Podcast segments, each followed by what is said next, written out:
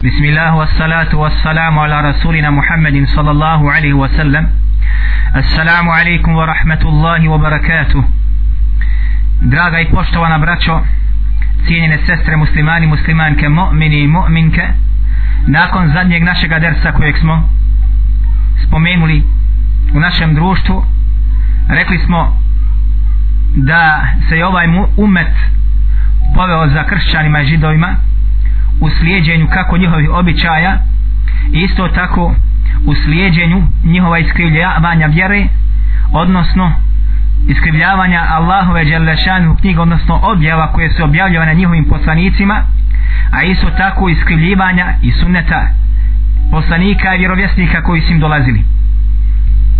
Mi ćemo danas da bi idnillahi ta'ala nastavimo naše druženje tamo gdje smo stali a to je kako je ovaj umet slijedženjem kršćana i židova i mušrika kako smo to spomenuli da će se neminovno dogoditi to slijedženje u stopu po stopu odnosno pedalj po pedalj odnosno lakat po lakat znači preciznim putem pa ako uđu u gušterovu rupu da će muslimani da uđu za njima. Pa u drugom rivajetu smo spomenuli ako budu općili sa svojom suprugom znači na putu, na polovini puta i muslimani će da ih slijede u tome. U trećem rivajetu a svi rivajetu su sahih vjerodostani kao što smo to pojasnili smo rekli pa ako bude to učinio sa svojom majkom da će muslimani da ih slijede u tome. Dakle neminovno jeste da će muslimani da slijede nevjernike odnosno kršćane, židove i isto tako mušike kao što smo spomenuli u tim rivajetima u svim njihovim detaljima kako života kako običaja i isto tako kako mijenjanja šerijata odnosno mijenjanja objava koje su im dolazile. Jer smo isto tako spomenuli da je Allah subhanahu wa ta'ala kako kršćanima kako židovima objavio naredio kako namaz, kako zakat, kako post i tako dalje. Međutim, oni su to izmijenili i skrivili, pa se danas to shvelo na jedne take lagane pokrete, na jedne take obične igrarije i ismijavanje sa Allahom subhanahu wa ta'ala propisima. Pa smo rekli isto tako na kraju našeg druženja u prošlom dersu, da će i ovaj umet da slijedi znači i kršćane židove na tom putu, da će znači doći vrijeme kad će i ovaj ummet pokušati da iskrivi Allahu subhanahu wa ta'ala knjigu i pokušati isto tako da iskrivi sunet Allahu poslanika sallallahu alaihi wa sallam. Stoga naše večerašnje druženje će da bude na tu temu. Dakle, da li je se u ovom umetu pojavio neki otpad koji je pokušao da iskrivi Allahu subhanahu wa ta'ala knjigu i da li se pojavio u ovom umetu neki otpad koji je pokušao da iskrivi sunet Allahova poslanika sallallahu alaihi wasallam? Prije nego što otpočemo sa ovom temom kažemo da jeste u ovom umetu ako ga možemo tako da nazovem se je pojavio braćo moja draga otpad koji je pokušao i dan danas pokušaje i dokazuje da je ova knjiga subhanahu wa ta'ala koja je među našim rukava iskrivljena knjiga koja u sebi ne sadrži određene objave odnosno ajete koji su objavljeni a između ostaloga iz nje je šta? I isto tako izbačno ajeta koliko hoćeš koji su u njoj bili. Zatim isto tako kažemo da jeste pokušano i sa izmjenom suneta Allahu poslanika sallallahu alaihi wasallam od raznih frakcija tako da se na počelo da ubacuju hadisi da se laže na Allahu poslanika sallallahu alaihi selleme da bi na kraju krajeva islamski učenjaci to obradili, proradili, profiltrirali da bi znači izvadili ono što je sahih od onoga što je batil, od onoga što je mevdu, od onoga što je daif tako da danas uz Allahu subhanahu wa ta'ala pomoć imamo knjige koje su sahih, vjerodostane tako da musliman od ehli sunata al džemata može slobodno da ih uči, da ih čita, da ih čita da od njih na, uzima propise da se koristi tim hadisima stoga ćemo da bizni Allahi ta'ala da spomenemo kako je sve došlo u istoriji Islama koje su to skupine koje su bile koje su pokušavali to učiniti u prošlosti koje su to danas i tako dalje. A prije nego što se upustimo u to morat ćemo da spomenemo braćo moja draga i poštovane sestre kako može da iskrivljivanje knjige Allahove subhanahu wa ta'ala pa makar u jednom harfu ili ismijavanje sa njom pa makar sa jednim harfom i tako dalje ili nekim propisom može da bude uzrok uzrok da čovjek ode iz dina u kufor a isto tako može bude uzrok kazne Allah subhanahu wa ta'ala pa ćemo spomenuti neke događaje kao što ih Allah subhanahu wa ta'ala opisao u svojoj plemenitoj knjizi. Zato bizni lahi tala počnemo sa ovom temom spominje jedan veliki islamski učenjaka koji se zove Al-Imam Abu Bakr Muhammad ibn Walid Tartuši jedan od poznatih islamskih učenjaka koji je bio malekijskog mezheba koji je umro znači u 6. hijđarskom stoljeću 530. godini jedan od velikih islamskih učenjaka znači koji je živo u Španiji u Andalusu tadašnjim od malekijskih učenjaka ali isto tako od učenjaka na ovoga ummeta ummeta ahli sunata wal jamaata ummeta Muhammeda sallallahu alaihi wa sallam. U svojoj poznatoj knjizi Kitabul al-Hawadis onaj knjiga koja se posvećena znači samim novotarima bidatu znači al-Hawadis al-Bida znači novotarije i ono što je novo uvedeno u vjeri. I taj islamski učenjak jedan od velikih islamskih učenjaka kako ga spominje između ostaloga njegov učenik onaj muhedin al-Arabi nije to onaj sufijski nego muhedin al-Arabi El Meliki, El Andalusi, El Kurtubi, čuveni malikijski pravnik koji je napisao čuvena neka djela međutim jedno najpoznatiji njegovih djela jeste Ahkamul Kur'an ili propisi Kur'ana koji znana štampa u tri muđela ili tri toma. I on u svome tome tafsiru između ostalog spominje jedan događaj braćo moja draga a taj događaj ćemo mi isto tako kasnije da obradimo bijedni lahi ta'ala u našim budućim dersovima koji nas čekaju inša Allahu ta'ala. A koji se tiču bidata gdje on spominje događaj kaže da mu je došla Torpuši u njemu u posjetu u njegovo selo. Pa kaže pa smo otišli da klanjamo podu na nas. Pa kaže šeh je ušao kaže i klanjao je znači sunnet u džami a kaže ja sam ostao izvan i gledam i posmatram. Pa se kaže neki ljudi okupili oko njega a torfuši je malikijskog mezheba u malikijskom mezhebu braćo moja draga se du, ruke ne dižu. Znači prije rukua kad se ide nikad se vraća sa rukua niti kad se znači ustaje sa džilse oni drugu na, na, na, na, na tešehudu onom kad bude onom drugi prvi tešehud kad se ustaje sa njega na, na ruku na, na krijam znači ne dižu se ruke. Znači konjihar isto tako se ne veže ruke. Po jednom rivajetu po drugom rivajetu kod ima mamleka se veže ruke ako neki malekijski pravnika kažu ne vežu se ruke u vađibima ili fardovima namaza a vežu se u sunetima i tako dalje mesela kod njega poznat. U svakom slučaju znači malekijski pravnici niti mezheb znači kod njih se ruke ne dižu prilikom odlaska na ruku prilikom vraćanja sa ruku i prilikom dizanja sa prvog tešehuda na qiyam na stajanje. Pa je ovaj od šehova znači malekijski učenjaka dizao ruke dizao ruke u namazu pa su to neki ljudi vidli tamo. Pa su se sabrali kaže hajmo ga uzeti i baciti u more. Da ubio insana. Zbog čega? zbog toga što je dizao ruku u namazu. Ova braćo pojava znači jeste stara nije nova. A vi dobro znate da mnogi recimo ljudi ili bosanci, muslimani i pogotovo mladež koja se okrenula znači ovoj sahvi, ovoj davi, praktikovanje suneta poslanika sallallahu alaihi wasallam su počeli neki da dižu ruke u namazu prilikom idenja na ruku i prilikom vraćanja sa rukua i prilikom isto tako znači ustanja sa prvog tešehuda na qiyam. Pa su doživljavali mnoge probleme znači u džame, u mesvidima kako od običnih ljudi tako da bome isto tako od razno raznih vođa tih institucija optužbi, prijetnji, zabrana ulaska, zabranja klanjanja i to smo i mi iskusili na svojoj koži zbog čega? zbog toga što su kao dizali ruku na mazu i to postupak takozvanih vahabija međutim braćo moja to je znači puka priča laž na ovaj din laž na sunet Allaha poslanika sallallahu alejhi ve selleme jer kao što ćemo i kasnije da obradimo kad budemo govorili šta je to u stvari da li je to postupak poslanika sallallahu alejhi ve selleme ili je to bid'at vidjet tamo da je to postupak Allahu poslanika sallallahu alejhi ve sellem ribajet koji su prenesli mutawatir mutawatir predajama što se znači nema nikakve sumnje u taj postupak. Kada gledaš poslanika sallallahu alejhi ve selleme ispred sebe kako to čini.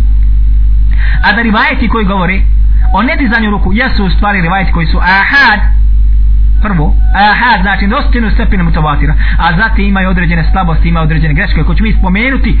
Tako da ispada draga moja braćo da mi u stvari praktikujemo praksu praktikujemo sve Allah poslanika sallallahu alejhi ve selleme a oni koji su nam prigovarali i koji da su vrijeđali sa tim i smijavali se sa tim i tako dalje su u stvari na onome što praktikuju nećemo reći bidat nego praktikuju slabe predaje i slabe hadise. A rad u ibadetima a rad po svojim hadisima kako to novoj šehol islam nije i kao se to spomenuo drugom islamskog učenjaka nije dozvoljeno da se radi po svojim hadisima ako ima vjerodostan hadis na istu tu temu. Stoga kada je ovaj imam znači Tortuši došao u mesec i klanjao ljudi su okupili nije htjeli su ga baciti u more. Pa je ustao pa je ustao ovaj muhedin al arabi pa kaže zar da ubijete čovjeka zato što onaj diže ruku namazu? Zar ne znate da kaže ima jedan ribajac od imama Malika o tome da se diže ruku namazu. Pa je uspio nekako da smiri da bi ne bi ubili čovjeka da ga ne bacili u more i tako dalje i tako dalje. Nakon klanjanja podne namaza naravno to šeh nije čuo šta se događalo. Kad su se kaže vraćali kući spomenuo sam to šehu rekao mu da li znate šta se dogodilo? Kaže ne znam šta je bilo? Pa kaže znaš šta ljudi htjeli ubiti? Htjeli su kaže uzeti baciti u more svezate baciti u more tako da kaže počeo se kaže da ih smije kaže vallahi kaže ja nisam na toj deređi da kaže budem ubijen zbog praktikovanja sunneta Allahu poslanika sallallahu alaihi wasallam. Pogledajte.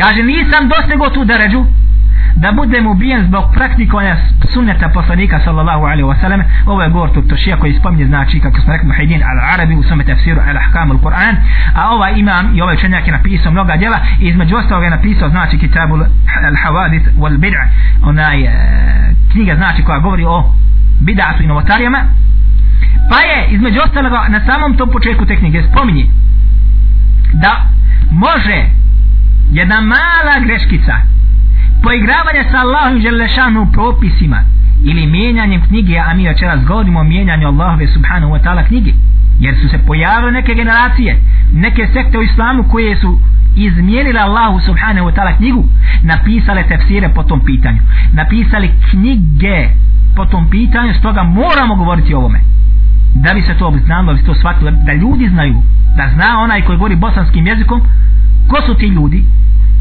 koja je to sekta koja je to narod koja je to skupina koja je to država i tako dalje da bi se znali sačuvati od njihovih spletki koje je pretu po Bosni i Hercegovini su prisutni u Bosni. Pa tako ovaj islamski učenjak znači navodi da čak ako se radi o jednom harfu to može biti uzrok čega? Uzrok da čitav narod bude uništen. Jer je uništen Benu Israil zbog toga što su samo jedan harf od objave izmijenili. Neko će reći čuj jeste. I to Allah Đerlešanu spominje u svojoj knjizi nama u pouku. Da mijenjanje Allahove subhanahu wa ta'ala knjige pa makar jednog harfa na čemu se ujedinio ehli sunet vel džemat jeste kufr. Ako čovjek nakon toga što to učini znači kufr neizbježno je da ga čeka Allahu dželešanu kazna i poniženje na dunjalu koji na ahiretu. Pa nam Allah subhanahu wa ta'ala ne vodi ajete i pouke u njima da nam zaprijeti odnos ako budete slučajno to učili teško vama pa krenimo redu kaže subhanahu wa ta'ala وإذ قلنا ادخلوا هذه القرية وكلوا منها حيث شئتم رغدا وادخلوا الباب سجدا وقولوا حطة نغفر لكم خطاياكم ovo je u suratu al-Baqara gdje kaže Allah žele šanu i kad smo vam rekli Benu Israil dhulu hadi il-qarja udhulu ovdje se kao uđite u ovaj grad. Kako kažu mu Fesir u ovom ajetu ovdje se navodi o Bejtul Makbis današnji Jerusalem. Allah Đelešanuhu kaže uđite u Jerusalem. Vakulu minha hajto ši'tum ragada i jedite u njemu otle god želite. Sve mali dozvoljno koju god vrstu hrane imate tu samo jedite. Ragada. Wadhulu الْبَابُ سُجَّدَا.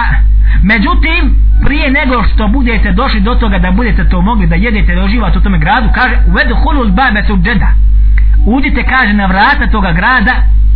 Suđeda ovdje se kaže seđda. Međutim kao što je poznato u terminologiji arapskog jezika kako su to pojasnili islamsko činjaci seđda može značiti nekada i rukur i kažu mu fesir ruk znači ono kad čovjek bude na rukur i kažu mu fesir i pojašnjavajući ovaj aj kaže ovdje se kaže odnosi se na rukur ili ponizno ulaženje kroz kapiju grada ovoga. Ponizno insan da uniđe kroz ovu kapiju. I ova kapija kako navodi imam u Kurtobi u svome tefsiru Wallahi, imam Kutubi, ko bude čitao, navodi u svome tefsiru, prvom odjelu, u prvom tomu, da je tada u njegovo vrijeme, kako on kaže, postojala znači kapija kroz koju su unišli ovi, ovi židovi u to vrijeme. I ta kapija se zove Babul Hitta, kao što im kasnije pojaviti poslije. Ja ne znam da li danas postoji, međutim imam Kurtubije spominje da u njegovo vrijeme postojala znači ta kapija Babul Hitta, znači ta kapija kroz koju su naređeno bilo kršćanima, odnosno židom da uniđu kroz nju. Da uniđu na koji način? Ponizno. Ono U rukur.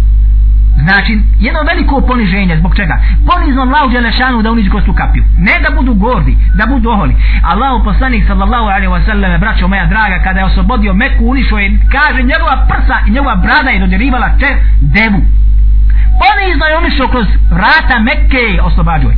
Salahudina ljubi kako se navodi u njegovim onaj biografima kad je osvojio Jerusalem, braćo moja draga, ta isti koji je stotinu godina bio u rukama kršćana, kažu da je unišao na isti način kao što je poslanik sallallahu alaihi wa sallam unišao kad je oslobađao Meku. Nema kibra. Jer znanje da pomoć dolazi samo od Allaha subhanahu wa ta'ala, en nasru min Allah, da pomoć od Allaha Đelešanu, nije zbog tebe Allah Đelešanu oslobodio Jerusalem tada. I nisi ti bio sebe, nego je subhanahu wa ta'ala nakon što je bio tvoj ponizenost nakon što je tvoje srce koje je otvoreno i žar na njegovom na borbi na njegovom putu tvojim rukama i oni koji se borili s tobom u to vrijeme oslobodio kuc. Međutim kako je unišao unišao je na jedan ponizni način način kako to rade samo odabrani Allahovi subhanahu wa ta'ala robovi. Nije on išao sa muzikom nije on išao sa pjevajkama i pjesmom nego on išao je povizno svoja prsa i svoju bradu kako se opisuje biografiju je stavio na na leđa konja. Tako je bio skrušen. Dobro. Znači imam kutubi navodi u svome tefsiru da u njegovo vrijeme se postavila ta vrata kako zove Babel Hetto i Allah Želešanu znači naredio kršća židovima da oni iđu ponizno kroz tu kapiju? Međutim jesu to čini nisu. Allah Želešan kaže vakulu hitta hitta u arabskom jeziku. I recite kaže hitta odnosno tvoj oprost gospodaru kajemo se zbog grijeha koji smo činili. Pa kaže subhanahu wa ta'ala vakul hittatun yaghfir lakum Au naghfir lakum hatta yakum pa ćemo oprostiti vaše grijehe koje ste učinili zatim kaže wasanazidul muhsinin a onima koji budu muhsini koji čine dobra djela ćemo da povećamo. Ko su muhsini? Imam, imam ibn Taymi u svome, u svome djelu koji zove el iman jedno od vrijedni djela i molim Allah subhanahu ta'ala da to djelo ugleda isto tako bosansko tržište jer je jako vrijedno. El iman ima tahil od šeha Albanije na nju. Govori razliku između islama između imana i između ihsana kako je došao onaj hadis od Džibrila da vas sad tim opterećujem. Tako da postoji razlika između imana između ihsana i između ona islama. Pa kaže muhsin jeste najveća kategorija. Ne može postići niko osim oni odabran Allah Đelešanu robovi muhsin i Allah Đelešanu kaže da se ne zidu muhsini u majetu ko bude muhsin od vas njemu ćemo da povećamo. Daćemo druge nagrade. Zatim mu'min je druga stepenica najbolja stepenica jeste se bude čovjek muhsin a to ne može svako. Jer kaže su hadisu en ta'bud Allahe ka, ka enneke tarahu. Da obožavaš Allaha Đelešanu kao da ga gledaš. Fa in nem tekun tarah fa innehu jarak pa ako ne budeš mogao da ga vidiš znači nisi dostigo taj stepen da obožavaš Allaha Đelešanu kao da ga gledaš fa innehu jarak znaj dobro da to nadzire da to nadgleda pa se igraj pa ako nađeš ljude kad ide u džamiju klanja u džami međutim ako je kod kuće sam ne klanja. A dođe mu kolega, ada, prijatelj i tako dalje, rođak, hajmo džamiju, hajmo. Nema nikog da ga povede, ne klanja. Fa in, pa znaj dobro da te Allah Đelešanu nadziri. Ne moraš pobjeći ispod njegovog nadzora, a bio u džami, a bio kod kuće, namaz ti je vađib. Dobro. Znači, najveći stepen jeste ihsan, dakle, da čovjek bude muhsin, a zatim da bude mu'min. A ko je muhsin može biti i mu'min znači i muslim. Ova dvije kategorije. Međutim ko je mu'min može biti samo muslim ne može da dostigne stepen ihsan da bude muhsin. I isto tako ko je mu'min on je istovremeno i mu'min i muslim ali muhsin nije. I isto tako onaj koji je muslim ne može da dostigne stepen niti mu'mina niti muhsina a nakon te stepeni muslima dolazi granica koja razdvaja iman od kufra. Najtanja granica odnosno stepen jeste najtanji jeste da čovjek bude samo musliman pa zatim da bude mu'min pa zatim da bude muhsin. Onaj koji je samo musliman koji što kažu ima samo fasadu nekako država vezu sa Allahom subhanahu wa ta'ala i ne je učinio širka Allahu te wa ta'ala ali varira je najniža granica. I za njega se bojat. Da može jednog dana ne udu billahi ta'ala da prekorači tu granicu i da izađe iz okvira i kruga islama znači da iza one zadnje tačke što je bio musliman da ne bude više nego da postane ne udu bila od nevjenika subhanahu wa ta'ala. Znači treba voditi računa po ovom pitanju. Dakle wa se muhsinina. I oni koji budu dobri i koji budu znači od muhsina mi ćemo njima da povećamo i damo uvećanje. Allah je lešanu spominje ovaj isti ajet u suri drugoj koja zove Taube znači ovaj ajet ili ovaj događaj opisan je suratul Bekara isto tako je opisan je suratul Taube gdje kaže subhanahu wa kulu hitpatun vedhulu baba suđeda kaže recite hitta ili tvoj oprost gospoda naš vedhulu baba suđeda i uđite na vrata kako pokorno odnosno ponizno i tako dalje zatim odmah nakon toga Allah subhanahu wa ta'ala kaže فبدل الذين ظلموا قولا غير الذي قيل لهم فانزلنا على الذين ظلموا رجزا من السماء بما كانوا يفسقون أو سورة البقرة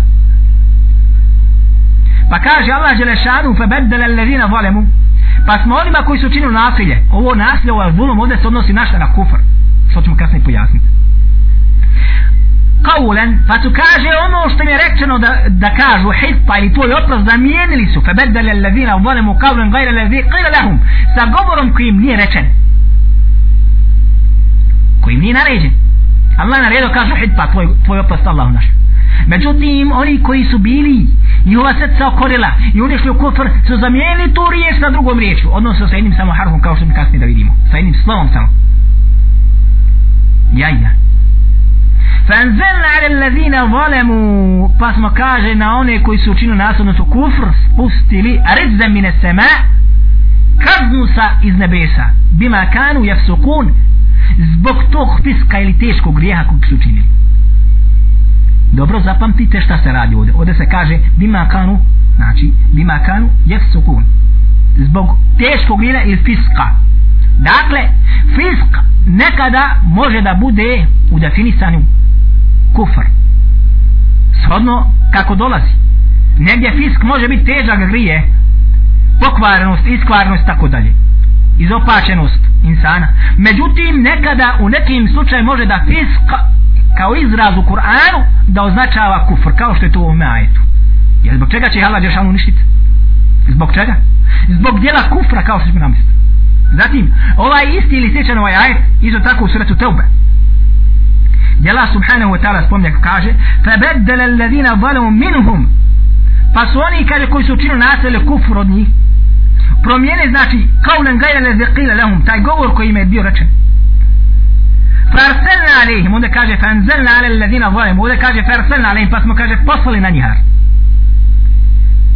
rizze mine semaj bima kanu jazlimun kaznu sa nebesa bima kanu jazlimun zbog toga što su učinili to veliko nasilje, odnosno kufr. I ovdje ima zulum, u nekim konkretnim zločajima može da znači šta? Kufr. Dakle, nekada fisk, sadno kuranskim ajatima označava šta? Označava kufr. A nekada zulum, isto tako, shodno kuranskim ajetima označava nekada kufur, A nekada nasilje, shodno ajetima kako dolazi. Tako da ne može se samo da, kako kaže negdje, onaj da se spomni na izvalimi, fasike, da to uvijek znači grešnike, gre... ne shodno događajima koji se odvijaju kroz kuranske jajete zato moraš pobro moj da budeš od onih koji će da se dobro upute u knjige da zavije nakon ajeta šta su to rekli mu fesiri o čemu se to radi. Ako ti to samo budeš svojim mozgom fato, pogriješćeš nego se vraćaj.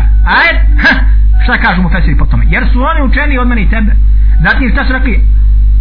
Ona je generacija ashaba mufasir. Ako je potafsirala poslanik sa kako je to potafsirio ako nešto rekao Ibn Abbas šta rekao Ali šta rekao onaj Abdullah ibn Mas'udi i ostali učenjaci od ashaba u tafsiru pa zatim tabi'ini kao Mujahid kao onaj Dahak i ostali. Onda nakon toga ostali. A ne da mi našim mozgovima to svačamo i da to tumačimo. Dobro. Znači nekada zulum može da bude kufr. kao što kaže subhanahu wa ta'ala wal kafirune humu zalimun a kaže nevjernici su teški volimi ili nasilnici. Odnosno kafiri. Jer Allah Đelešanu i opisuje kao valime. Koga? nevjernike. Dakle zulum pripada njima. To svojstvo isto tako važi za kafire i nekada može značiti kufur. A nekada taj zulum se može odnositi i na koga? i na muslimane. Odnosno one koji čini teške grije i o, kako Allah Đelešanu spominje o onima koji su ogriješili o svoje duše valemu anfusehum kaže se a valemu anfusehum koji su nanijeli sami sebi nepravdu ili zulum to je druga stvar to nije kufr ali kad se govori o ovim ajetima ovo se upuće na šta na kufr što se tiče fiska kaže Allah subhanahu wa ta'ala govorimo o fisku ولو آمن أهل الكتاب لكان خيرا لهم ako bi kaže sljedbenici knjige krštane židovi postali muslimani postali mu'mini lekana hajran lahum to bi im kudi kamo bolje bilo spasili se šta vječnosti džehennemske vatre. Ovako ne znam jer postoji nevjernik za uvijek će biti u džehennemskoj vatri. Znači zato kaže volev amen ehlul kitab lekana hajran lahum. Ako bi sljedbenici knjige kršćani što povjerovali Allaha subhanahu wa ta'ala njegova poslanika Muhammeda sallallahu alaihi wa sallam lekana hajran lahum mnogo bi im bolje bilo jer će se spasti čega? Vječnosti džehennemske vatre a zatim kaže subhanahu wa ta'ala minhumul mu'minun. Među njima ima mu'mina. Čuj. Da među elil kitabu ima mu'mina. Ako ovo bude čito neki profesor koji ne zna govor islamskih učenjaka po ajetu zalutaće za glaviće pa će ti doći pa će ti reći tumačit kako među nevjericima, kršćanima živi ima mu'mina pravi pravcati vjere kaj vala Želešanu kaže. Pa ti kažeš, de bola, nemoj govoriti tako, kaže, jeste, pa evo kaže Allah Žešanu, da ima, kaže, minuhumul mu'minun. Među njima ima mu'mina. A zatim kaže, subhanahu wa ta'ala, wa akseruhumul fasiqun. Međutim, više je fasika, što bi rekli mi grešnika, odnosno nevjernika. Ovdje fisk znači kufr. Zbog čega? Kad potumačimo prvi dio ajeta. Pa kaže se u njemu, znači, minuhumul mu'minun, među njima ima vjernika odnosno oni koji nakon što su bili znači u kufru dobili su informaciju da se pojavio negdje Allah poslanik sallallahu alaihi wasallam pa su iščupali iz kufra pa je Allah Đelešanu njegov poslanika iskreno pa je Allah Đelešanu opisuje da su mu'mini. Vekterhum ul-fasiqun a većina ih je znači ostala na onome na čemu su bili kufru pa su ostali pa fasikaj, grešnici, ne, ovo je izraza kafiri, nevjenici Allah subhanahu wa ta'ala. Ovo dobro braća zapamtite sada, pa ćemo se vratiti možda posle malo tamo na jedna akidetske stvari, u jednoj važnoj meseli, kako su mnogi, onaj, slobno da kažemo, provizorstvo shvatili. Dobro vi vjerovatno znate i sjećate se kad su bili zadnji događaj kad su se smijavali sa Allahim poslanikom sallallahu alaihi wa sallam gore u Dansku i ostalim evropskim zemljama i čitav svijet je čuo za Allaho poslanika alaihi sallatu wa sallam. Svaki insan na zemaljskoj klugi koji imao ili novinu u rukama ili televiziju ili internet čuje za ovo od nevjernika i vidio je čuje Muhammed ko je taj Muhammed sallallahu alaihi wa sallam šta je to, ko je to, što ga je smijavao i šta se dogodilo znači čuo si pobro pa je odbio da primi to. Čuje za poslanika sallallahu alaihi wa sallam jer kaže su u jednom od, od, od, od haditha gdje kaže vam poslanik sallallahu alaihi wa sallam da svaki ko bude čuo za mene zatim povre da će umrijeti znači na, na, na smrti nevjernika. Budeš čuo za njega a ne povjeruješ a odnosi se ovo ovaj hadith na vjerove kršćane.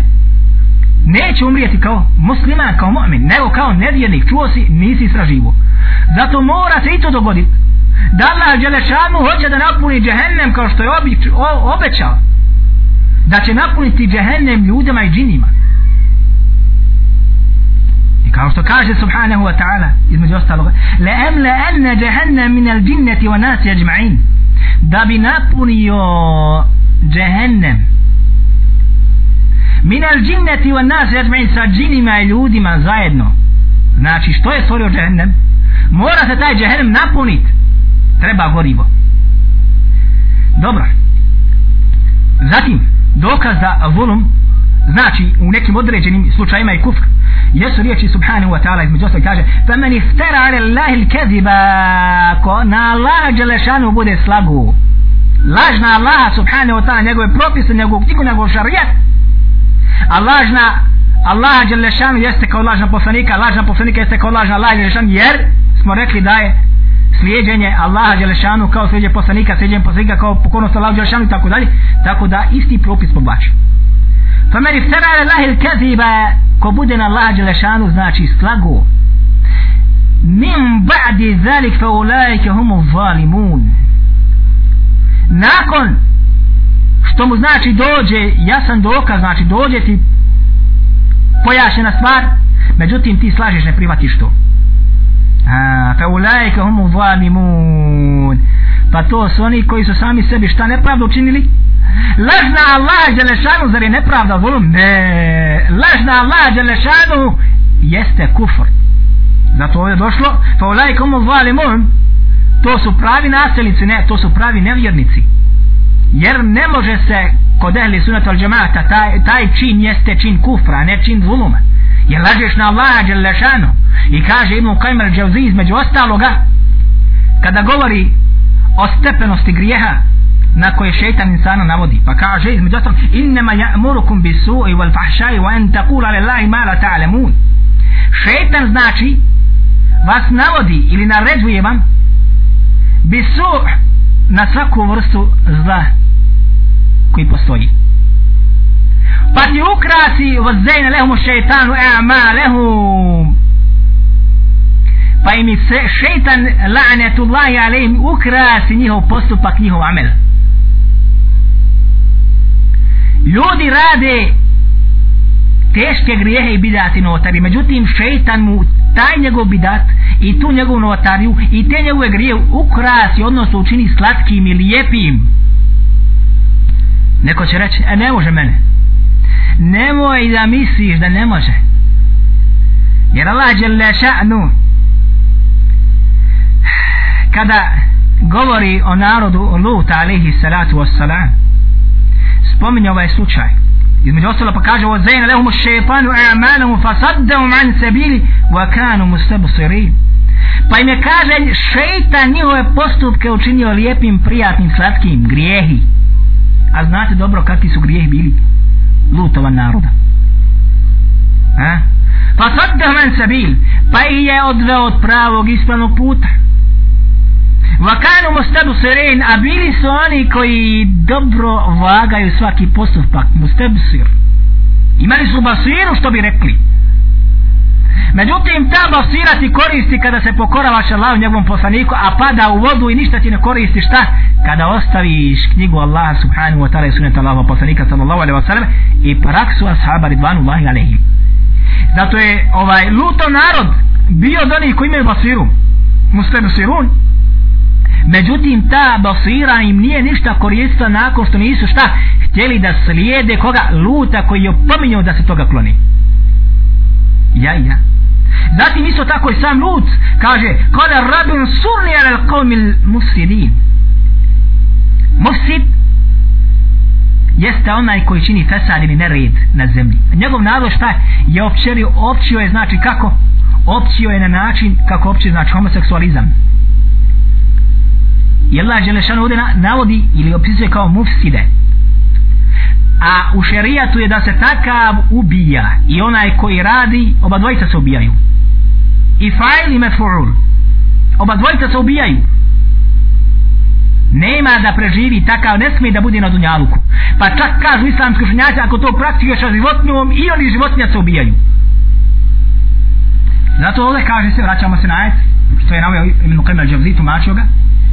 Kaže znači inma ja'murukum bisu da će vam šeitan narađivati na loše navoditi vas na loša djela.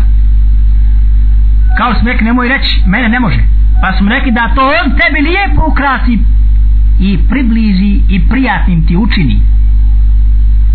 Jer grije braćo moja nije sladak prvi puta. Ali se osladi nakon toga? Jeste jeste. Imate ljude koji rade na nekim radnim mjestima koji su teško podnošljivi zbog recimo teškog neugodnog mirisa. Međutim nakon dva tri dana navikne se na taj posao ništa mu ne smeta a tebi da odeš prvi dan povratio bi što bi rekli. Jer tako? Jeste. Znači grije isto tako. Iako je loš iako ima teške posljedice za onoga koji ga čini međutim na početku je težak i teško ti ga učiniti međutim nakon toga ti postane šta? Sladak. Insan neće se tek tako lako osuditi da učini neuzubilaj blud ili prostituciju ili tako dalje. Prvi puta mu je teško i podero bi svoje srca ako već to učini. I ženski spol i muški spol nije ti svejedno osjećaš neku prljavštinu da si učinio nešto što je zabranjeno po Allahovim Đelešanu govorom. Bio da si mu'min, bio da si kafir jer to je prirodnost. Međutim nakon toga drugi puta lakše. Treći puta još lakše dok ti ne postane takozvani kako ja žarpi adi. Svakodnevnica. Nikakve problema nema. Zato nemoj da kažeš e ne može mene.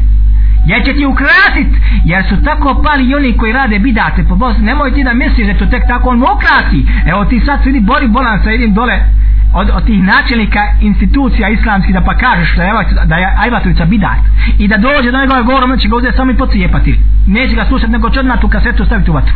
Jer mu je šeitan taj dio ibadeta kako on kaže i naziva ukrasio i čini ga lijepim prijatnim u srcu mu je bolan taka toplota kad se približavaju ti dani ko kad nama kad dolazi Ramazan. Jer mu je to učinio šeitan šta? Prijatni. Jest jer je šeitanu u la'netu vaja alej. Najdraže čovjeka da odvede u bidat ili u novatariju. Jer kad te odvede u bidat ti sam onda rušiš din. Ne treba on da to radi jer kao što ćemo navesti u hadisu gdje se navodi onaj koji pomogne mu novotara jeste kao onaj koji ruši islam. dobro znači kaže smisli ostala kaže Allah Đeršanu znači innama ja amurukum bi suh wal fahša fahša jeste nemoral svaka vrsta nemorala i blud i ovo i ono sve govor oči sve što vodi ka bludu i svakoj nemoralnosti i pokvarnosti zatim treće kaže وأن تقولوا على الله ما لا تعلمون إذا الله جل شانه kažete nešto što ne znate Da govoriš o Allahu subhanahu wa ta'ala nešto što ne znaš. Pa kaže Ibnu Kajmer Džerzi Allah subhanahu wa ta'ala ove grije po redu tartibom. Pa kaže krenuo je od lakšeg a to je su svako vrsta zla. Zatim ka težim pa fahša nemoral blud i ostale radnje. A zatim ka najtežim koje jeste kufr da kažeš o Allahu Đelešanu ono što ne znaš. Jer kad kažeš o Allahu Đelešanu a ne znam da si u tome začaš možeš da otvoriš vrata koja su zapečaćena. Onaj islam koji te do, do danas čuvo već sutra spada sa tvojih leđa. Jer si rekao Allahu Đelešanu ono što on nije rekao niti njegov poslanik sallallahu alaihi wa sallam. I zato kaže Allah Đelešanu kao smo navili pa meni ftera Allahi il kezib i kon Allah Đelešanu bude slagao min badi zalik nakon što bude došla znači uputa bude spoznao istinu bude spoznao da ne smije i tako dalje zna šta je pravi govor pa ga on opet usprkos tome kaže a to je lažna laž još od njegova poslanika sallallahu alaihi wa sallam. Min badi zalika ulajke umu zalimun pa to su pravi pravcati zalimi ne ovde kefiri nevjernici. Što ovo sve navodimo? Pa smo se malo zadnji naše teme. Zbog toga smo rekli da nekada fisk kao što smo pojasnili može biti kufr a nekada je zulum isto tako može biti kufr. Pa Allah subhanahu wa ta'ala nam to malo bolje pojašnjava u nekim drugim ajetima. Pa kaže mi dostala ga subhanahu wa ta'ala da to malo bolje shvatimo i povežemo gdje kaže subhanahu wa ta'ala wa man lam yahkum bima enzala Allahu fa ulaika humul kafirun. Pa onaj koji ne bude sudio po Allahu Đelešanu knjizi uvodi neki drugi šarijat novi zakon rimski, francuski i ostale demokratski. Znači gdje kaže Allah, uvemen nam jahkum bima enzel Allahu fa ulajka humul kafirun. Ovdje izrišto Allah Žešanu kaže pa ako ne bude sudio po Allahovim zakonu Đalešanu ko bude ove neki drugi zakon mimo toga i po njem sudio i po njem radio fa ulajka humul kafirun pa to su nevjernici. Jasno sve. Međutim malo se tu malo pometu stvari što kod neki je dva druga ajta gdje kaže uzvišeno odmah nakon toga ajta dva druga ajta kaže subhanahu ta'ala وَمَنْ لَمْ يَحْكُمْ لَا أَنْزَلَ اللَّهُ فَوْلَيْكَ هُمَ الظَّالِمُونَ pa ako ne bude sudio po Allahu i subhanahu wa ta'ala knjizi po ono što je objavljeno sudi mimo toga nečim drugim فَوْلَيْكَ هُمَ الظَّالِمُونَ kažu zalim, nasilnik a mi smo rekli da zulum i kako može da znači u nekim ajetima kufr jel tako? jeste Zbog čega da onda u ovom ajetu zulum ne bude kufr, a bude zulum? Kada je ovo preče nego ono što smo sve spominjali. Jer ti da sudiš mimo onoga što je Allah Đelešanu objavio, jeste laž. Jer Allah subhanahu wa ta'ala, šta misliš zbog čega je objavio njegovu knjigu? Da samo i badetiš? Je li to prvenstvo njegove objave ove knjige?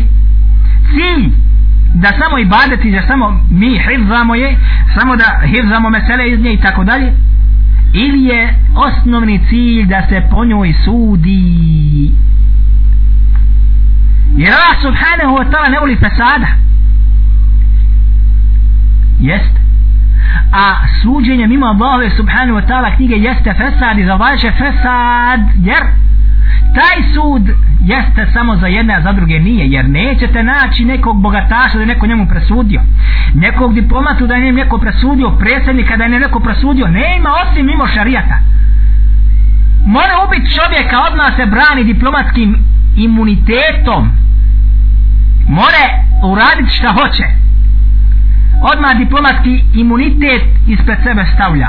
Pasov, diplomatski, diplomatski imunitet, pa gdje god da bude, na kojem god čošku zemaljske kugle, što bi rekli, ili dijelu zemaljske kugle, i šta god da učini odmah se brani tim diplomatskim imunitetom, a ti kao seljak i ja kao obični radnik i tako dalje i tako dalje, nismo diplomat.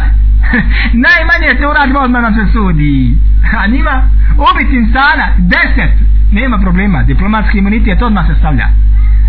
Dakle, odmah zbog toga što se odbaci sud po Allahom Đelešanu šarijatu, šta? Vlada, šta? Nerid.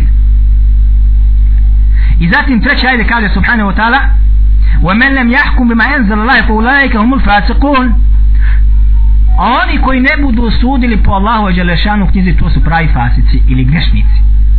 Pa se u ovim ajetima dolazi tri termina ili izraza za one koji ne budu sudili po Allahu Đelešanu knjizi koji budu uveli neke druge zakone, a odbaci šarija za liđe.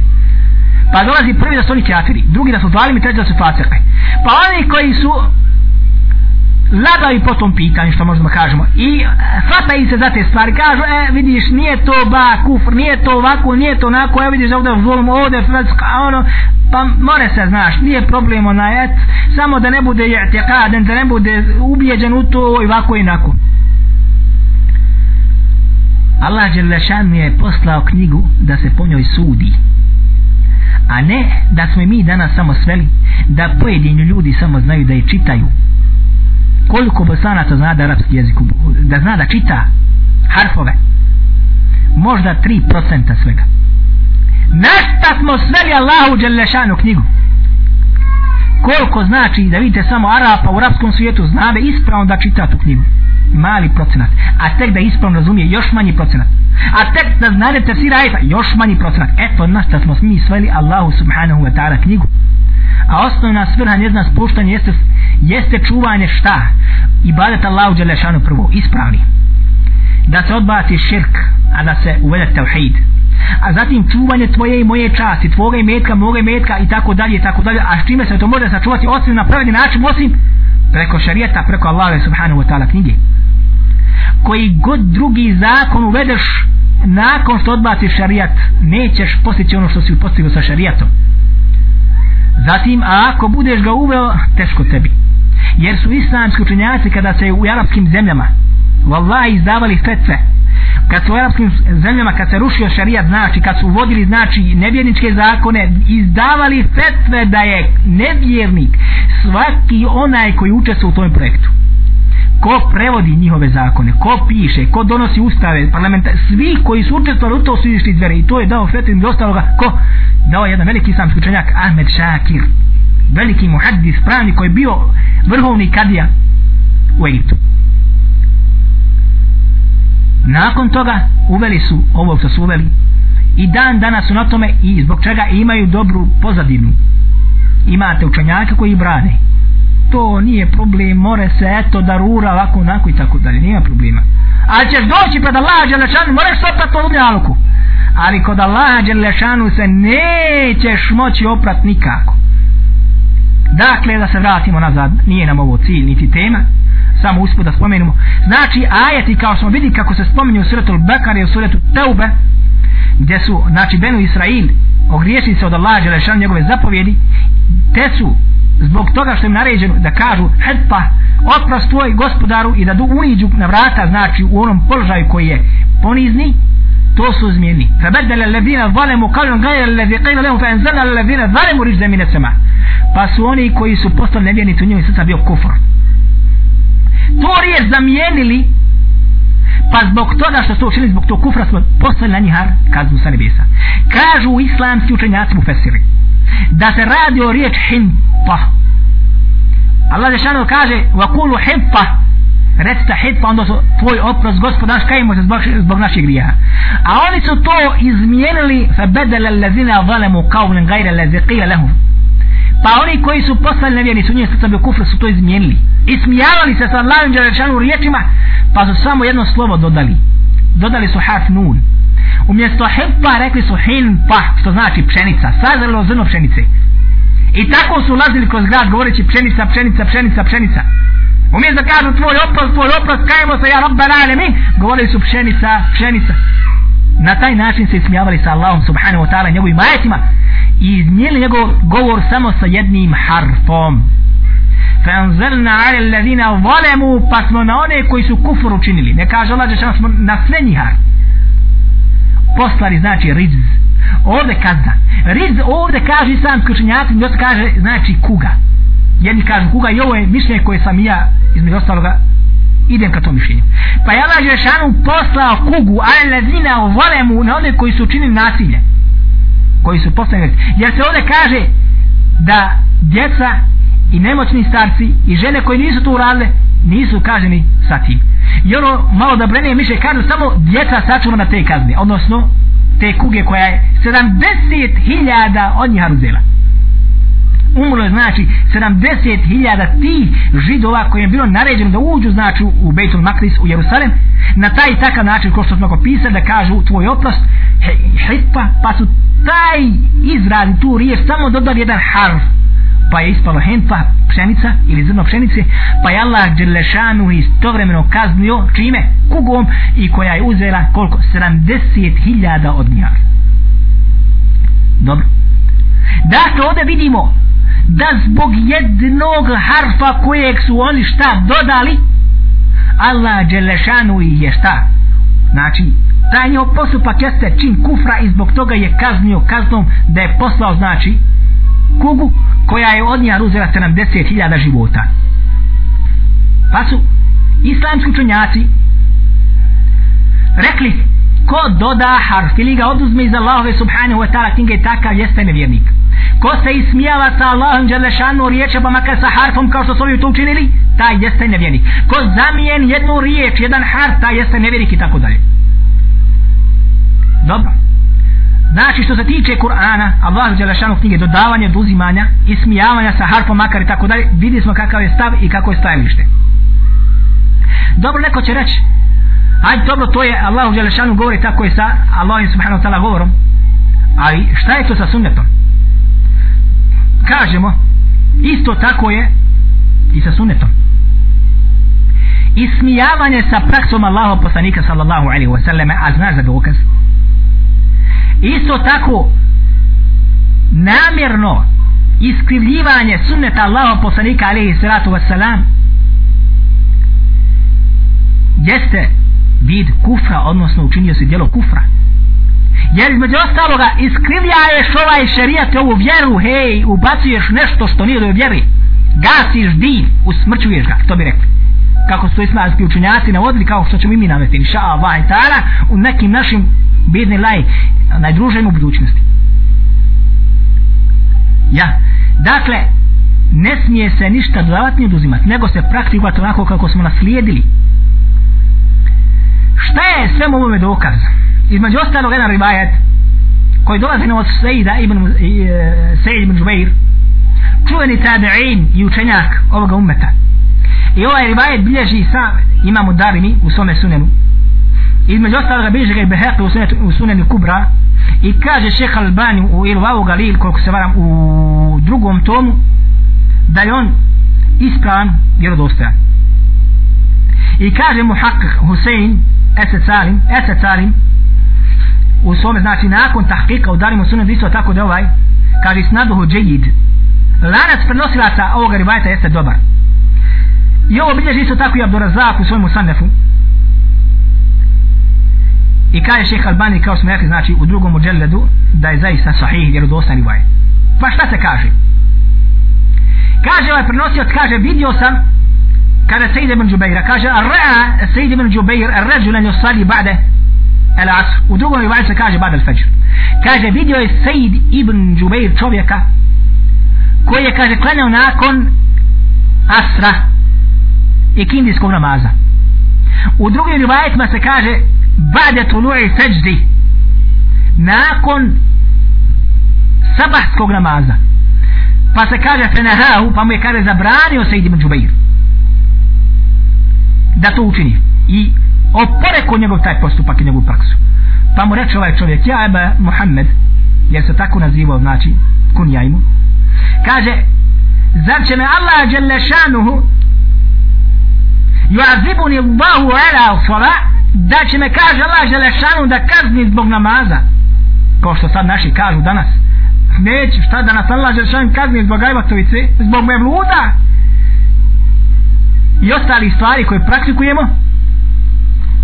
Jer kažu u tome samo dobro mi zikrimo spominjemo Allah Đalešanu pa bude ders pa bude ovo pa bude ono pa se čita sira pa i životopisa poslanika sallallahu sallam se nešto kaže pa na maša Allah. Isto je rekao ovaj čovjek. Kaže ja Eba Muhammed da će me kaže Allah Đalešanu da kazni zbog namaza. Jer ja klanjam. Što bi rekli čovjek klanja recimo pod namaz. Ili klanja šakšam pet rekata, tri. Farda i dva sunneta. A zatim počneš da još deset klanjaš.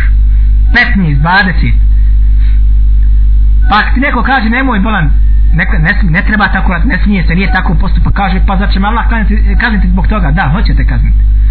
Kao što rekao i Sejid ibn Džubeir njemu. Kaže njemu Sejid ibn Džubeir kaže la, nećete eh, kazniti zbog namaza.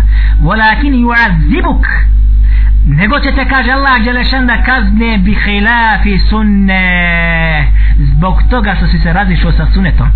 Odnosno što ne praktikuješ praksu sunneta ili Allaho poslanika sallallahu alaihi wa sallam jer si sunnetu okrenuo leđa i uveo se nešto što nije od sunneta i zbog toga će te Allah subhanahu wa ta'ala da kazni. Rivajet je rodostajan sahih. Dakle vidimo isto tako da onaj koji ne bude praktikovao sunnet sallallahu alaihi wasallam a zatim bude došao sa nekim drugim i nekim drugim stvarima da će doći na sudjem danu i bit će šta kažem zbog toga. Ovdje se ne, ne kaže kakva kazna, ali azab će da bude a šta je tek sa onima koji budu slagali na Allaha poslanika sallallahu alaihi wasallam Zato kaže Allah poslanik sallallahu alaihi wa sallam u hadisu kojeg bilježe svi učenjaci od ilma hadisa. Bilježe ga i Bukhari, bilježe ga i Muslim, bilježe ga i Termizi, i Ibn Maže i tako dalje. I Nesaj i ostali. Jer kaže Allah poslanik sallallahu alaihi wa sallam i ovaj rivajet jeste da su neki islam učenjaci rekli da je mutawatir. Mutawatir rivajet. Jer kaže Allah poslanik sallallahu alaihi wa sallam inne kezeben alejde lejse ke kezebine ala ahad. Kaže zaista laž na mene. I da neko slaže na mene nije kao laž da slažeš na nekog drugog. Da slažeš na poslanika sallallahu alaihi sallam da je nešto rekao nije kao da slažeš da je rekao neki taj taj. Ne ne ne pobro moj zatim to pojašnjava kaže poslanik sa osam wa men kezzebe ale mutaamida pa ko bude na mene ovdje ulazi mutaamida namjerno slago zna da je zabranjen zna da nisam rekao pa slaže فليتبوأ مقعده من النار pa neka sebi pripremi stolicu u vatri neka sebi pripremi stolicu u vatri ili od vatri tako da lažna Allahova poslanika sallallahu alaihi wa sallam jeste pobro da si kupi odmah sebi šta vizu za džehennemski pako i džehenemsku vatru. Nije to da slažeš na nekog insana pa hajdi nema problema. Ne ne pobro moj. I zato lažeš da odgovaraš da snosiš račun a kad slažeš na Allahova poslanika sallallahu alaihi wa sallam kupio si kartu i vizu za džehennemsku vatru. Stoga znači lažna Allaha Đelešanu i lažna poslanika sallallahu alaihi wasallam su krupne stvari a mnogi muslimani o tome ne vode računa. Dobro. Dakle dogodilo se znači u ovom umetu da su neke skupine i sekte počeli da izvrću Allahu subhanahu wa ta'ala knjigu i za nju tvrdili da je laž odnosno da u njoj nedostaje ajeta neki da je ubačeno nešto što nije od nje i tako dalje i tako dalje. Dobro neko će reći zar je moguće da postoji takav narod među muslimanima? Jeste moguće je. I to jedna velika populacija. I to oni sa kojima naše institucije u Bosni prijateljuju i daju im desnicu.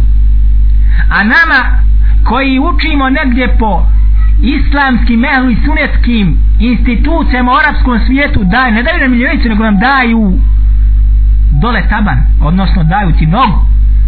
Neće da te vidi da uniđeš u njegovu instituciju.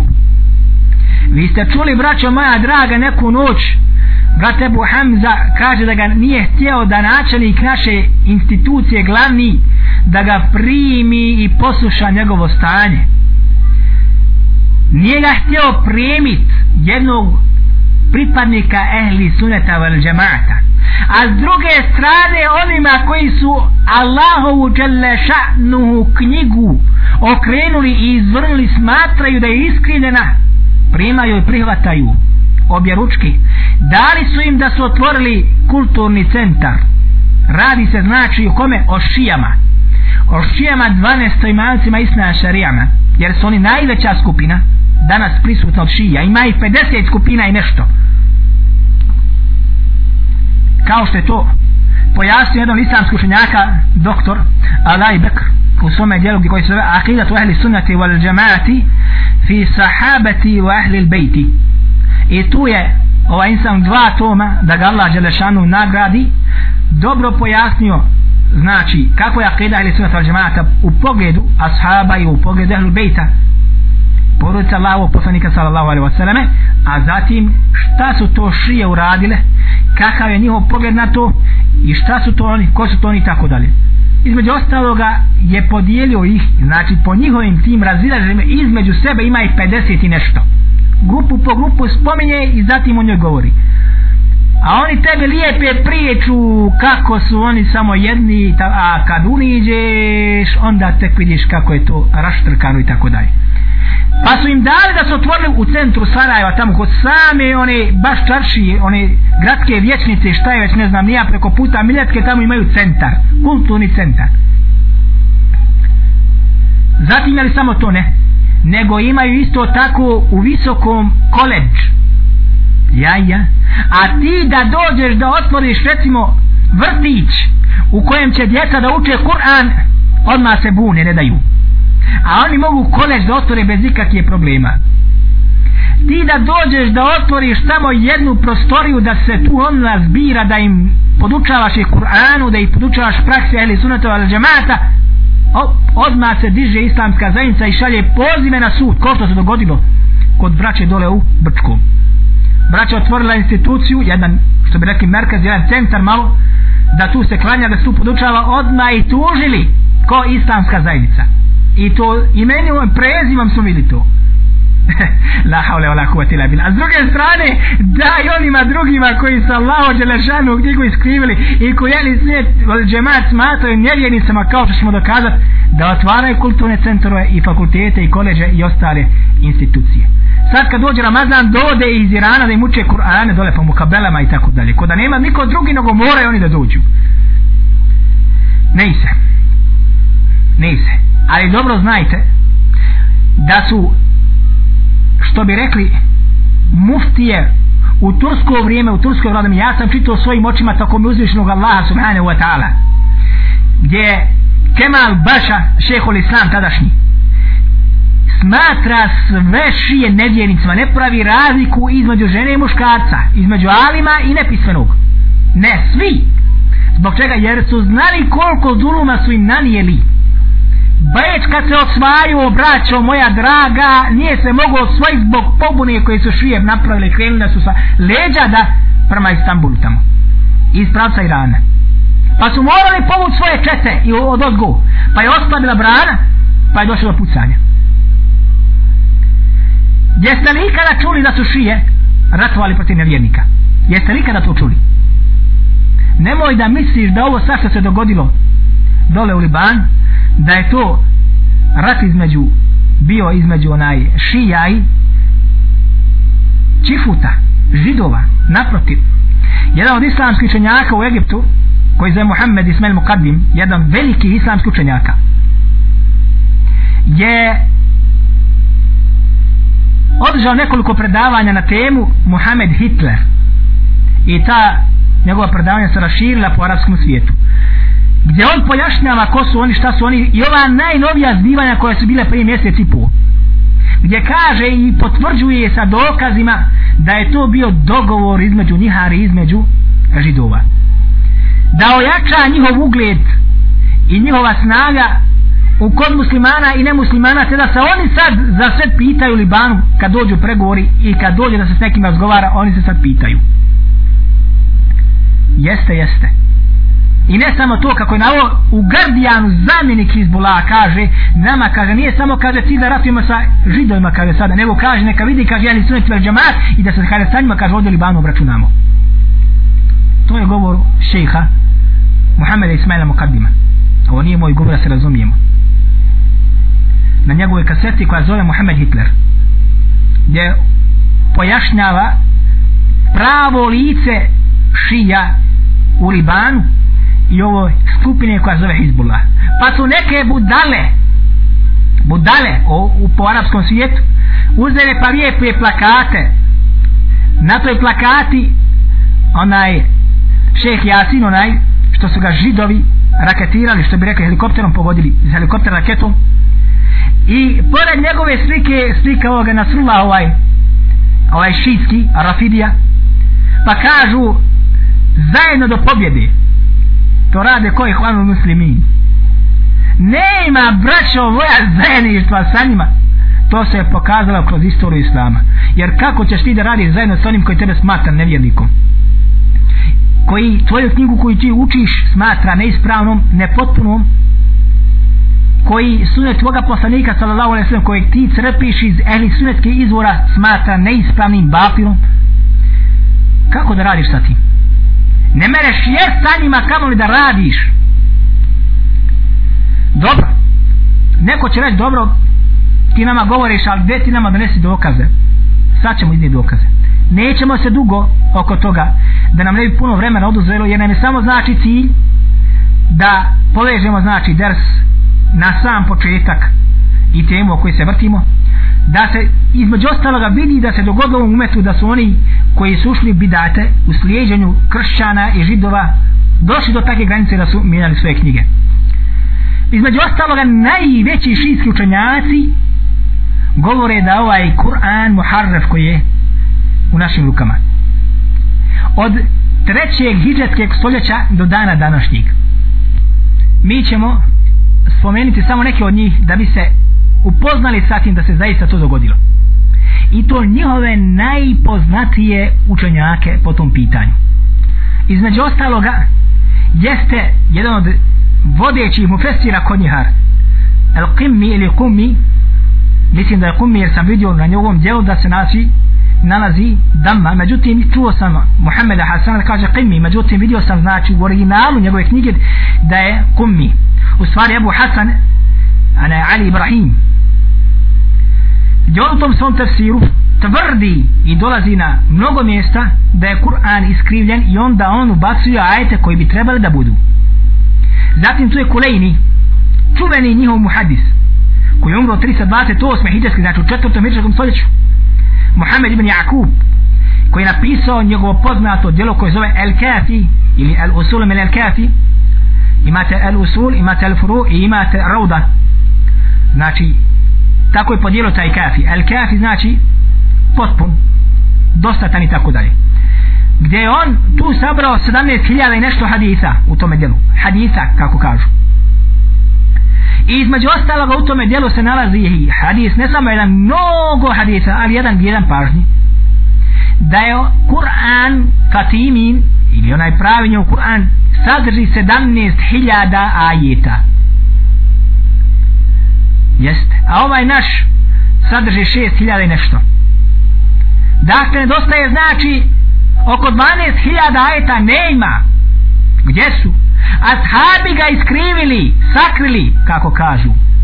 Ashabi najbolja generacija kuntum hajna umeti nuhređet li nas vi ste najbolja generacija najbolji umet koji se ikad pojavio među ljudima.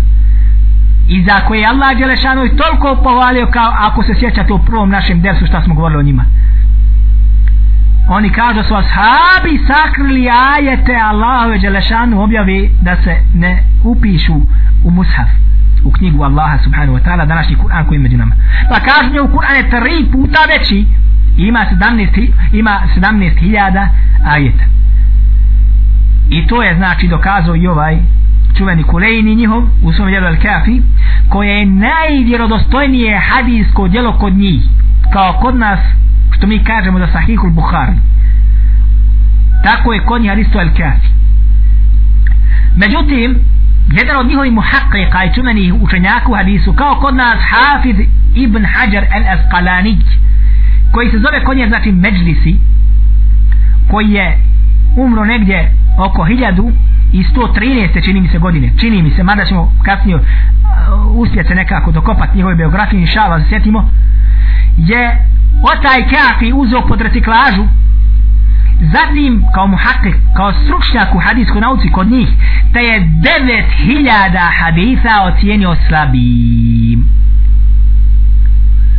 šta vi mislite recimo da knjiga imamo Buhari recimo sad njegov sahih sadrži recimo pola hadisa da su batil, neispravni pa kako ćemo i odakle ćemo da sagraditi din? Jer u Kur'anu ne možete sve da nađete. Braću moji mi smo to govorili. Šta je sunnet, kako potpunjava kako se pojašnjava i tako dalje. U prvi, prvom ili drugom dersu. O ovoj temi. Pa ako ti bude sunnet daif slab, kako ćeš spoznati istinu šta ima, gdje ti je vjera? Šta ti je ostalo vjeri 9000 hadisa je cinio slab. Međutim za divno čudo ovaj hadis da je Kur'an ima 17.000 ajeta je ocijenio sahihom vjerodostojnim. I to naveo sve puteve i svi turuci ili svi putevi su vjerodostojni. Ima međlisi u tahqiku ovoga dijela El Kafija od Kulejnija zatim tu je između ostaloga isto tako Ebu Qasim El Kufi. U svome dijelu El Istighatha on navodi na mnogim mjestima da je Kur'an iskrivljen njega, od njega nešto oduzeto nešto dodato i tako dalje Ali ibn Ahmed Ebu Qasim al-Kufi. zatim tu je šehol Mufid ovaj Ali ibn Ahmed Ebu Qasim al-Kufi je umro 352. hijđatske godine znači najelitnija njihova imena i to kada iz najranijih njihovih pokoljenja znači zatim šeh al-Mufid, koji se zove između ostalog Muhammed ibn Muhammed Nu'man koji je umro 413. godine u svome dijelu onaj e, u mnogim svojim dijelima u stvari je na tom stajalištu da su rivajeti koji su došli od imama na stepenu mutavatira da je Kur'an ovaj koji danas u našim rukama iskrivljen i to tvrde u svom dijelu koji zove Evailu el maqalat gdje tvrdi da je rivajeti o iskrivljenju Kur'ana stepen mutavatira što znači neprikoslovena istina koja se ne može poreći. Zatim tu je među ostalog Tibrisi koji je između ostaloga napisao mnoga dijela koja govore o iskrivljivanju Allahove Đelešanu knjige. Između ostalog napisao djelo koje zove El Ihtiđađ dokazivanje gdje on dokazuje da je Kur'an iskrivljen. Tibrisi ima mu se ove znači Ahmed ibn Ali njihov veliki učenjak, njihov veliki šejih na kojem temelje ili na kojeg se oslanjaju. Zatim tu je El Kaši, čuveni mu fesir njihov, učenjak tefsira, koji je u svome tefsiru, tefsiru Safi, Muhammed ibn Murteda, El Kaši pojasnio da je Kur'an koji našim rukama iskrivljen. Zatim isto to je Međlisi, čuveni njihov muhakkih učenjak, koji je umro 1111. godine. Muhammed ibn Bakr al-Međlisi, koji je napisao mnoga djela najveće njegov djela zove se Biharul Anwar koje se čak štampa sa nekim jednim drugim djelom preko stotinu tomova i taj i to djelo ima takve stvari da najveći neznalica u islamu ne može to da izrekne. I on u svome koje se zove a ime svoje djelo ili njegovo djelo koje se zove a ime navodi mnoge rivajete i dokazuje da je Kur'an iskrivljen. Zatim tu je Ni'matullah Jazairi čuveni njihov učenja koji je umro 1112. godine koji je u svome dijelu El Envaru Nu'manije isto tako na mnogo mjesta rekao da je Kur'an iskriven, nepotpun dokinuto nešto od njega, nešto ubačno i tako dalje zatim tu je između ostaloga njihov čuveni muhaqqiq Ebul Hasan al-Amiri koji je umro 1138. godine koji je isto tako u mnogim svojima dijelima izjavio da je Kur'an iskriven i zatim tu je čuveni njihov Nur Nur i Tabrisi koji je napisao čitavo jedno dijelo čitavo jedno dijelo u kojem želi i kaže odmah na drugoj stranici u uvodnom dijelu kaže cilj pisanja ovoga moga dijela jeste da objelodanim i potvrdim izbat znači da je Kur'an iskriven da u njemu ima riječi koje nisu od njega da je nešto na njega dodato a isto tako nešto od njega izvađeno. Stoga je iskrivljen kao što su iskrivljene ostale nebeske knjige. Ko su ga iskrivili? ashabi. I nazvao je to svoje djelo i to kako ga je samo nazvao Faslul hitab fi izbati tahrif il kitab rabbi arbab. Otprilike u tom kontekstu ga je nazvao znači konačni stav doka, znači stav konačni dokazani o iskrivnosti knjige Allaha subhanahu wa ta'ala. I zatim nakon što je to izdao neki smo pregovorili međutim ponovo izdao drugo djelo koje je potvrdio ono na čemu je on bio. Dakle braćo moja draga njihovi najveći učenjaci tvrde da je Kur'an iskrivljen. Kako smo vidjeli od prvih hiđetskih stoljeća treće, četvrto pa do ovih kasnijih 12. 13. i tako dalje i dan današnjeg ovoga tvrde i pišu djela kako je Allahova subhanahu wa ta'ala knjiga iskrivljena zatim sad ćemo samo na brzinu nakratko spomenuti neke citate iz njihovih djela pa kaže ovaj Međesi a njegovu biografiju smo spomenuli čuveni njihov muhakkak u svome djelu znači taskiratu a ima u 49. strana kaže u istuni je Osman treći halifa izmisao iz ovoga Kur'ana tri stvari znači ko je izmisao Osman treći halifa. Izmislio je kaže ogliče onaj i poslanstvo Alije i Ehlul Bejta. Znači Alija bio poslanik. Izbrisano je to. Odliče njegovo i odliče Ehlul Bejta izbrisao je Osman. Zatim izbrisano je kuđenje i korenje Kurešija. To je druga tačka. Znači Allah Đelešanu u Kur'anu isto tako pokudio i onaj navio ajete koje kore Kurejšije, a Osman je tu izbrisao zatim izbrisao je kuđenje i korenje trojice halifa halife koga? Je Bubekra, Omer i Osmana. Jer je Allah Đelešanu navio ajete o korenju ove trojice halifa pa i Osman kada je znači naredio se sakupi Kur'an izbriso znači onaj te ajete. Između ostalo kaže izbriso je ajet koji je bio kaže da Bog do nisam uzeo u Bekra za prisna prijatelja. Čuj znači taj ajet nema ga nekoga izbrisao. Dakle vidimo znači iz ovoga govora da je Medžlisi na tom stajalištu kao što smo rekli da je Kur'an kako on kaže iskrivljen. Zatim kaže Muhammed ibn Murtada el Kaši u njegovom tefsiru koji smo rekli zove tefsiru Safi u prvom tomu kaže zaista je Kur'an. Zaista Kur'an je potpun.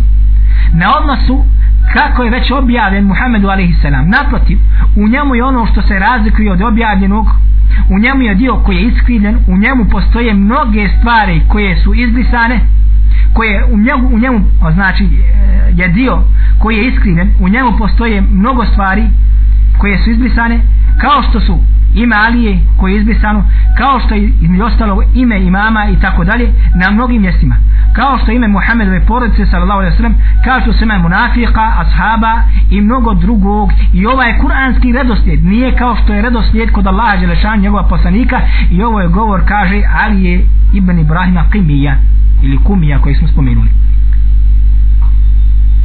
Zatim kaže Ebu Hasan al-Amili u svome čuvenom dijelu znači koji se zove Maratul eh, Anwar u Miškatul Esrar odmah na početku kaže znaj da je istina koja je neizbježna na osnovu predaje koje su mutawatir da je ovaj Kur'an koji je u našim rukama poslije smrti poslanika sallallahu alaihi wasallam šta? Izmijenjen.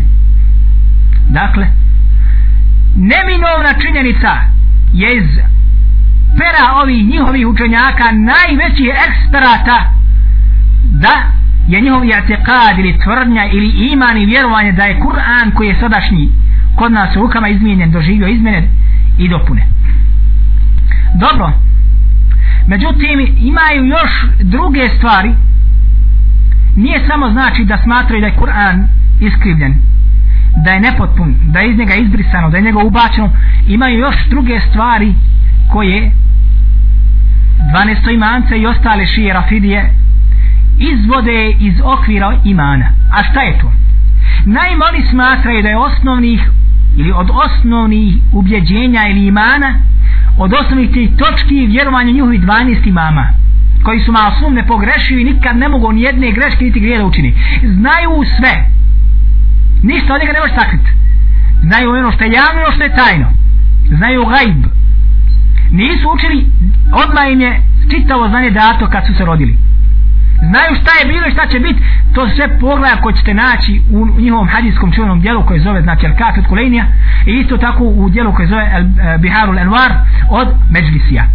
To su stvari brećo moja koja djeca neće da private da neko ništa ne uči da sve znade. Ne možeš, moraš učit. Moraš učit. I poslanik sallallahu alaihi ve sellem je pokreto jezik kad bi mu Džibril dolazio da bi to zapamtio pa su mu rekli ne, pa je došla objava koja je negirala to da će Allah Žešan da sakupi čitav Kur'an, da nema potrebe da se on muči i tereti sa tim. I to je samo dato Allahovom poslaniku, alaihi salatu wasalam. I zatim Džibril sam je dolazio svakog Ramazana, što bi rekli da sa njim prouči Kur'an, da vidi, znači da li je sve kako treba. Znači da li, ako nešto se zaboravi šta ja znam, da se potvrdi. Da ga prouči znači pred Džibrilom. Mi danas idemo kod šehova učimo Kur'an pred šehovima a u ono vrijeme znači Allah Đelešan je spao jedan puta godišnje Džibrila alihi salam da postanik sallallahu alaihi wasallam pred njim prouči Kur'an. I pred smrt mu je proučio dva, je dva puta mu stišao odnosno dva puta je proučio pred njim. Pa su rekli islamski učenjaci odnosno on je rekao da je to nadošta njegove smrti. Dobro. Kod njih ne treba da znaš ne treba da se uči. Na odmah sve šta još zna gajb, a niko gajba ne zna osim Allah Đelešan. To su, braćo moja, poznate stvari, da dja, djeca mala to ne mogu da prihvate. Zatim, znači, da je iman u te njihove imame obavezan. Koga nije će i negira, makar jednog od njih, on je nevjernik. Pa kaže njihov učenjak, Džemaludin Hasan ibn Jusuf Muhtar al-Hilli u svome djelu, Elfejn fi imameti Amir al-Mu'mini Ali ibn Abi Talib. Na početku odmah kaže, zaista je negiranje imamstva, znači ti 12 imama da kažeš toga nema. Kaže gore i teže od negiranja vjerovjesništva. Knjigu je štampa iz Bača kuća Muasesetova Alemij Bejrutsko izdanje znači 82. godine. Kažu znači da je negiranje imamstva. Vidiš kako odmah sebe zaštite? Reknu laž a zatim ko ne bude vjerovu tu laž da zna dobro će biti tako i tako pa kaže ko bude negirao imamstvo to je gore i teže da negira vjerovjesnike sve ili vjerovjesništvo. A onaj koji negira vjerovjesništvo jeste kafir nevjernik po ižmau učenjaka ili sunata od džemata a ti kodihar negiraš iman odmah automatski po njihovo negiraš vjerovjesnike. Što znači od nas je u njihovom kopitu nevjernik zatim kaže šijski muhakir filozof Muhammed Hasan poznat kao Kasan u svome dijelu Minhađu Nedža odmah na početku. Ko zaniječe jednog od imama. Njegovo je stanje kao onaj koji je zanijekao sve vjerovjesnike. Njegov štampa je zvačak kuća Daru Islamidje Bejljusko je zdanje 87. godina. Dakle ko zaniječe znači jednog njihovog imama. 11 priznaš 12 ne priznaješ. Gotovo je ko da ti zanijekao ste vjerovjesnike. Maša Allah. Vidite kako štite svoje laži podvale. Ne smiješ pisnut ako bude za nijeku jednog gotovo ko da si sve za nijeku odnosno opet si kafir. Znači moraš sve da potvrdiš. Kaže znači njihov međlisi taj čuveni učenjak međlisi kaže u svome dijelu znači Biharu Lenvar 23. tom kaže znaj da neovisni izraz širk i kufr koji se spominje znači važi za onoga ko ne vjeruje u imamstvo emirul mu'minina ali je i imamstvo njegova potomstva. Znači oni još ostali 11 imama. I davanje prednose njima nad ostalim je dokaz da će takvi biti zauvijek u vatri. Maša Allah. Mi ehli sunet al džemat niti priznajemo to imamstvo 12 imama. Niti imamstvo Alije na taj način kao što ga oni smatraju niti Ehlul Bejte na taj način kao što oni smatraju. Alija jeste halifa um, ovoga umeta i četvrti pravedni halifa. Ali prije njega dajmo prednost kome? Ebu Bekru i Omeru. Osman i Alija ima spodnosti kod dajeli sunat al džemata jedni yukaddimune i daju prednost Ali nad Osmanu jedni Osmanu. Međutim većina ih kaže da je Osman treći a Ali je četvrti halifa.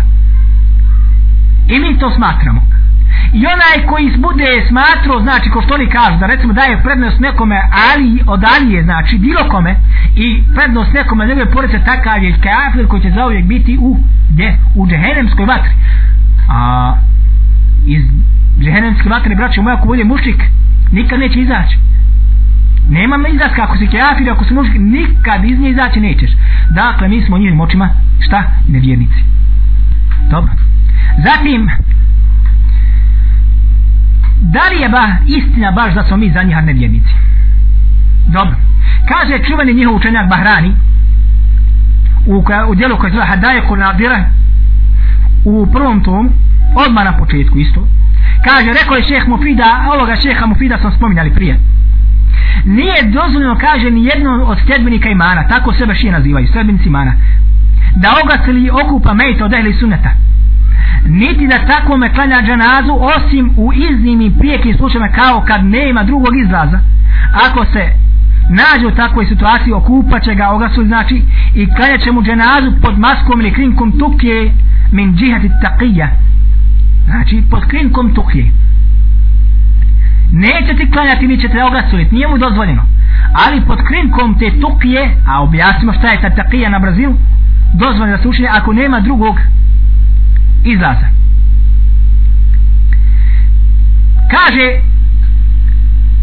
njihov čuveni učenjak El Hilli u svome njelu koje zove Lekolasa u prvom tomu na strani 147 kaže ja se kaže u potpunosti slažem sa riječima šehol Mufida ovoga što smo naveli. Zato što onaj koji nije od ehli sunneta odnosno koji nije od ehli bejta znači šija i koji se razlikuje od njihar jeste kjafir i neophodno je da za takvog važe propisi kao što važe propisi za kjafira osim ako se suprotno dokaže. Zatim kaže ako nije dozvoljeno ogasoliti odnosno kupati mejta kjafira pa isto tako nije dozvoljeno kupati onaj e, odnosno okupati ili ogasuti pripadnika ehli suneta a što se tiče klanjanja dženaze pripadniku ehli suneta će biti u, u granicama onoga kako je postupao poslanik sallallahu alaihi wasallam i imami šijski znači prema munaficima ovo se isto tako na dijelu hadikatu nadire u prvom uđeledu. Dakle braćo moja draga nemino je da šije znači 12 imamci i ostali ehli sunet al džemat njove pripadnike smatraju nevjernicima. Da li sa strani je tijekada zbog toga što ne vjeruju imame? Da li zbog toga što su njihovi učenjaci to tako njima lijepo prevedili zapakovali? Zatim neko će reći e pa vidiš pobro moj mi imamo ovdje u Njemačkoj, ovdje u Americi, u Engleskoj, u Bosni neke šije, ma nisu oni takvi ko što ti kažeš. Oni sa nama lijepo, čak dođu klanjati u naš džamiju, znaš. I oni čitaju ovaj Kur'an i kažu da je Kur'an ispravan. I ako ju upitamo ovoj majma, kažu nema problema, sjete vi svoje, mi ćemo svoje, mi smo braća i sami i tako dalje. Dobro, dobro. Međutim, zaboravljaš jednu činjenicu. Da kod njihar postoji jedno akidatsko uvjeđenje ili imanski šart. Ko što je kod nas šest imanskih šartova. Kod njih ima isto tako jedan imanski šart. A to je taqija, odnosno pretvaranje. Odnosno da sakrije svoje pravo, realno stanje, da ga pokaže suprotnim.